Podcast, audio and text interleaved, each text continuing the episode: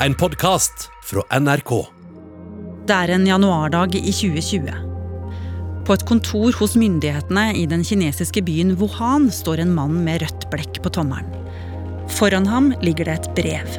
Det står 'Vi håper du kan roe deg ned og stoppe å spre falske rykter'. Mannen med den røde tommelen het dr. Lee, og han var lege og hadde varslet om et farlig lungevirus som var i omløp i byen. Men med et fingertrykk på brevet lovet han å ikke nevne det med et ord. Kort tid etter var han død. Nå, ett år senere, hylles han som koronavarsleren fra Wuhan. Men hvorfor måtte han tie? Og hva er det han har gjort som har engasjert millioner av mennesker?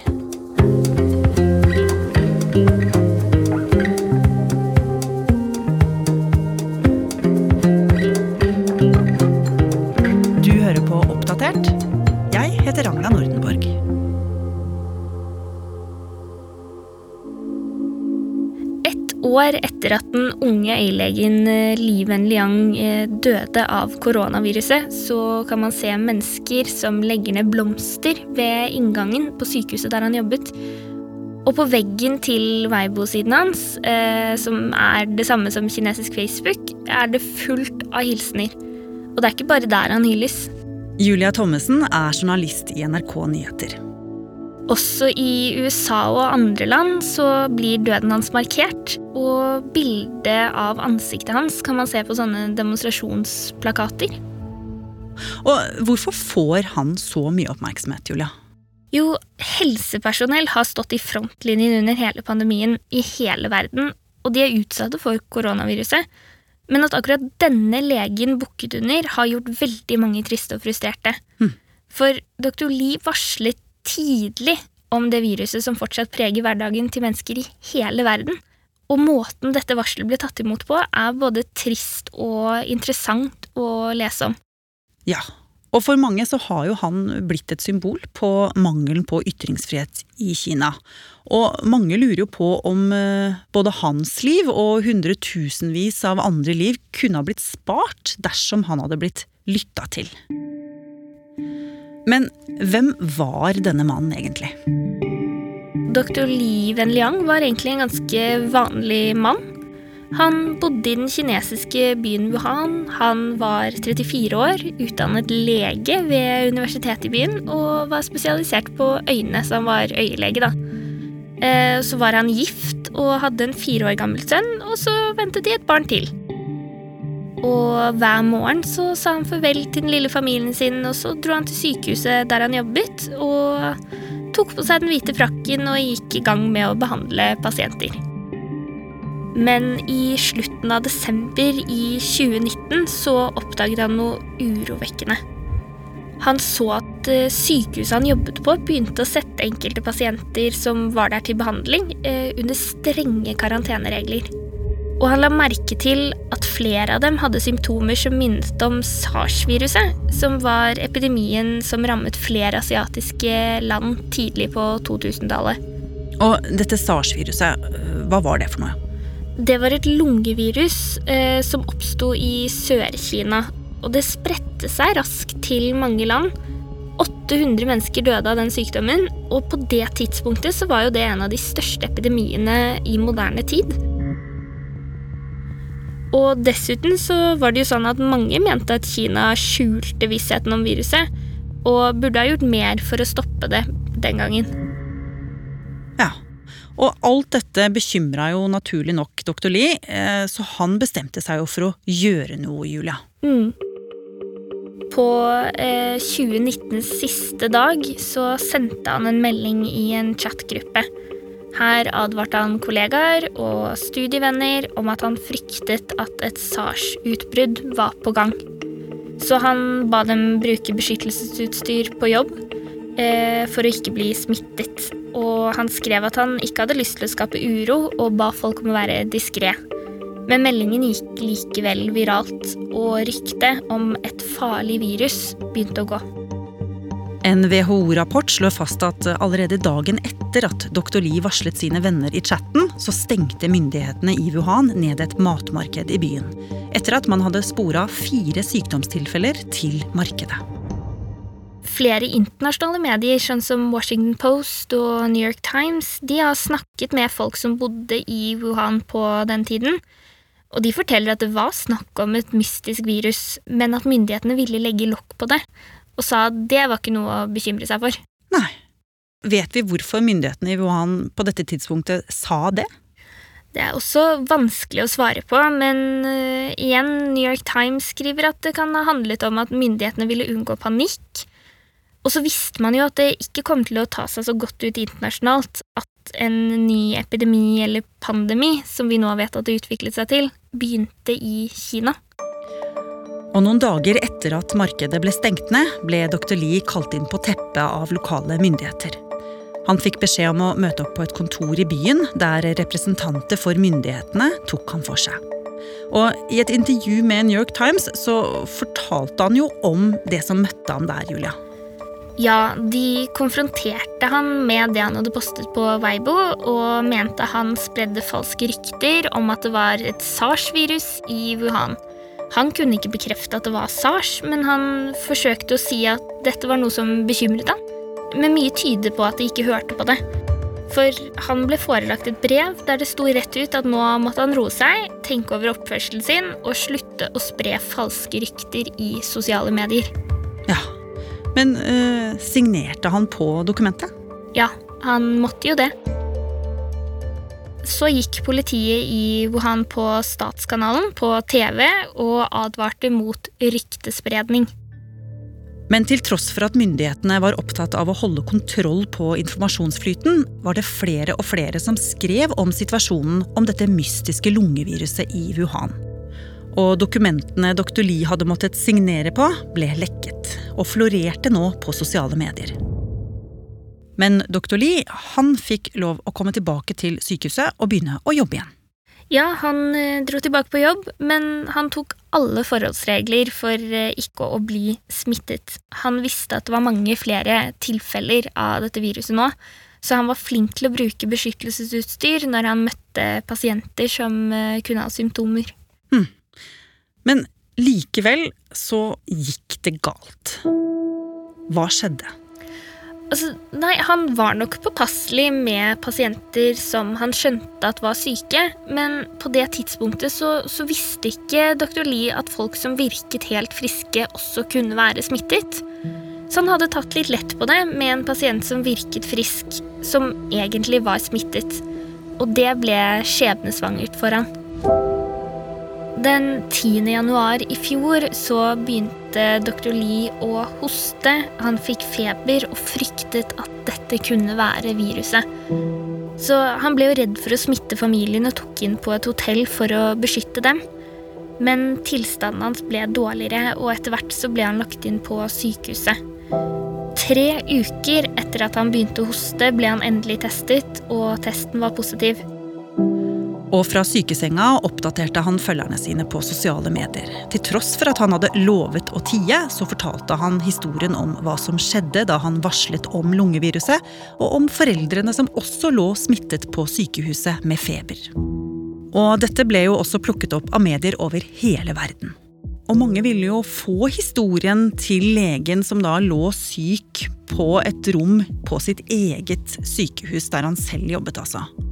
Ja, og det var jo da han sa at han syntes det var leit at han ikke hadde blitt hørt. At det kunne ha gjort en forskjell. Hm. Men hvordan var egentlig formen hans? På det tidspunktet så slet han veldig. De fleste intervjuene han gjorde, måtte være skriftlige, for han hadde nesten ikke pust. Det hører man f.eks. i et eh, intervju han gjorde med CNN. Struggling to communicate, Lee spoke with CNN briefly by phone on January 31st. You could hear the hospital machines pulsing in the background.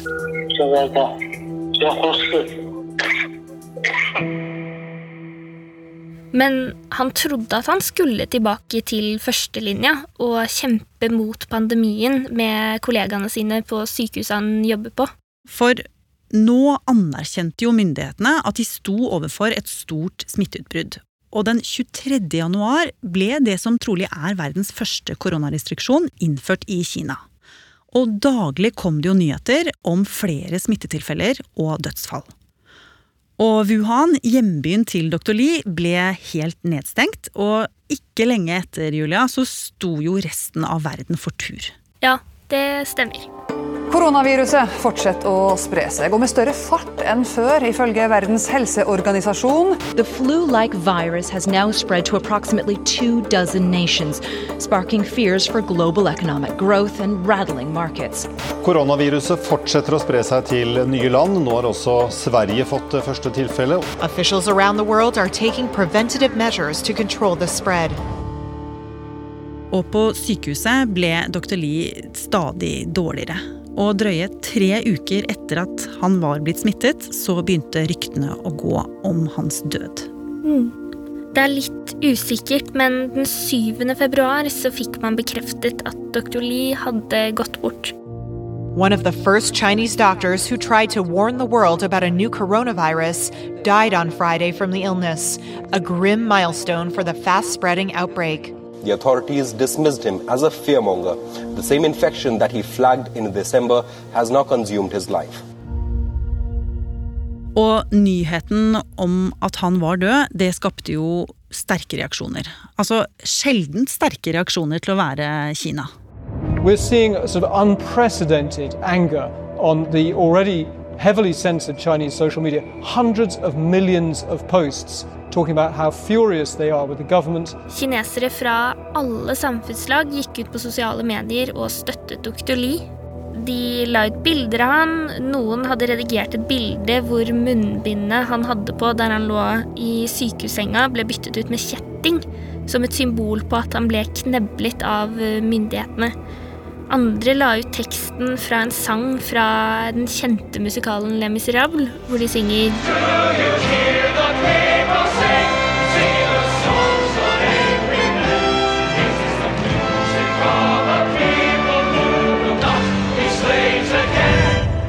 Det er jo en musikal som handler om en folkebevegelse på en måte mot et sånn autoritært regime i Frankrike på 1800-tallet. Eh, og i musikalen så kjemper folket for ytringsfrihet, så det ble på en måte et ganske sterkt symbol å bruke den sangen for å støtte dr. Lee. Mm. Og så trendet hashtaggen I want freedom of speech i Kina, selv om eh, den fort ble blokkert. Så det var millioner av mennesker som er vant til høy grad av sensur, som ikke hadde tenkt å gi seg. Ja, og dette så jo litt dårlig ut for kinesiske myndigheter. Ja, internasjonale medier, slik som New York Times, skriver at eh, Kina på dette tidspunktet trengte å ta kontroll over eh, koronavirusfortellingen. Både eh, lokalt i Kina, hvor folk var sinte og gikk ut på sosiale medier og, og, mente at liv kunne blitt spart dersom de hadde hørt på dr. Lee. Og internasjonalt, som, etter hvert som viruset kom til flere land, og, og flere land ble rammet av, eh, av dette koronaviruset. Så da tok Kina et overraskende grep. De bestemte seg for å gi dr. Li en av de største hedersbetegnelsene som man kan få i Kina etter at man dør, nemlig å bli en martyr. Og så fikk de korrupsjonsmyndighetene i Kina til å etterforske hvorfor dr. Li ikke ble hørt. Og hva viste den rapporten? Jo, eh, den rapporten, den eh, Hvis man kan bruke ordet frikjent, så frikjente den doktor Li fra å ha spredd rykter, og så pekte den på de lokale myndighetene i Wuhan. At det var deres feil, og de skulle holdes ansvarlige for at ingen hørte på doktor Li i desember. Og kinesiske myndigheter sa også til lokale myndigheter rundt om i landet at de ville nagles til historiens skampilar dersom de ikke rapporterte om tilfeller av lungesykdommen. Og blant kinesiske medier så snudde jo nå vinden. De begynte å skrive om hvordan Wuhan hadde feilet. Så Julia, da ble jo på en måte dr. Li til slutt anerkjent. Altså, Kinesiske myndigheter har jo senere omtalt ham som en person som ikke var imot systemet. Ja, eh, det er kanskje ikke så svart-hvitt. Siden han døde, så er det andre varslere som har forsøkt å eh, rette kritikk mot eh, regimets håndtering av koronaviruset. Og det er ikke alle de som det har gått like bra med. En del har blitt arrestert, andre har bare forsvunnet. Og mange av de som hyller han et år eh, etter at han døde, de bruker han som et symbol på ytringsfrihet og eh, regimekritikk. Og så sitter jeg og lurer på, etter å ha hørt denne historien, Julia, hvis lokale myndigheter i Wuhan hadde lyttet til han, ville hele koronasituasjonen vært annerledes da? Altså, det er litt vanskelig å si. Eh, WHO har i hvert fall sagt at det kan ha vært flere smittetilfeller enn det som ble rapportert i Kina før 23. januar. Eh, og 23. januar er jo da Wuhan ble stengt. Og så er det medier som Washington Post som har gjort en gjennomgang av tiden før 23. januar, og som fant at myndighetene i Kina kan ha visst mer enn det de sa offentlig. Men at dr. Lee og andre som prøvde å varsle, ikke ble hørt, at det hadde en betydning, det tror jeg ikke vi kan si.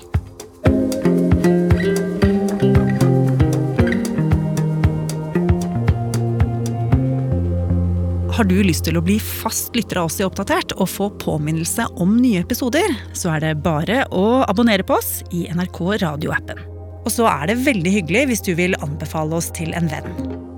Oppdatert er en podkast fra NRK Nyheter, og denne episoden er laget av Andreas Berge og meg, Ragna Nordenborg. Eva Midthun Leira er redaksjonssjef. Vil du kontakte oss, gjør gjerne det på oppdatert krøllalfa nrk.no. Du har hørt en podkast fra NRK. Hør flere podkaster og din favorittkanal i appen NRK Radio.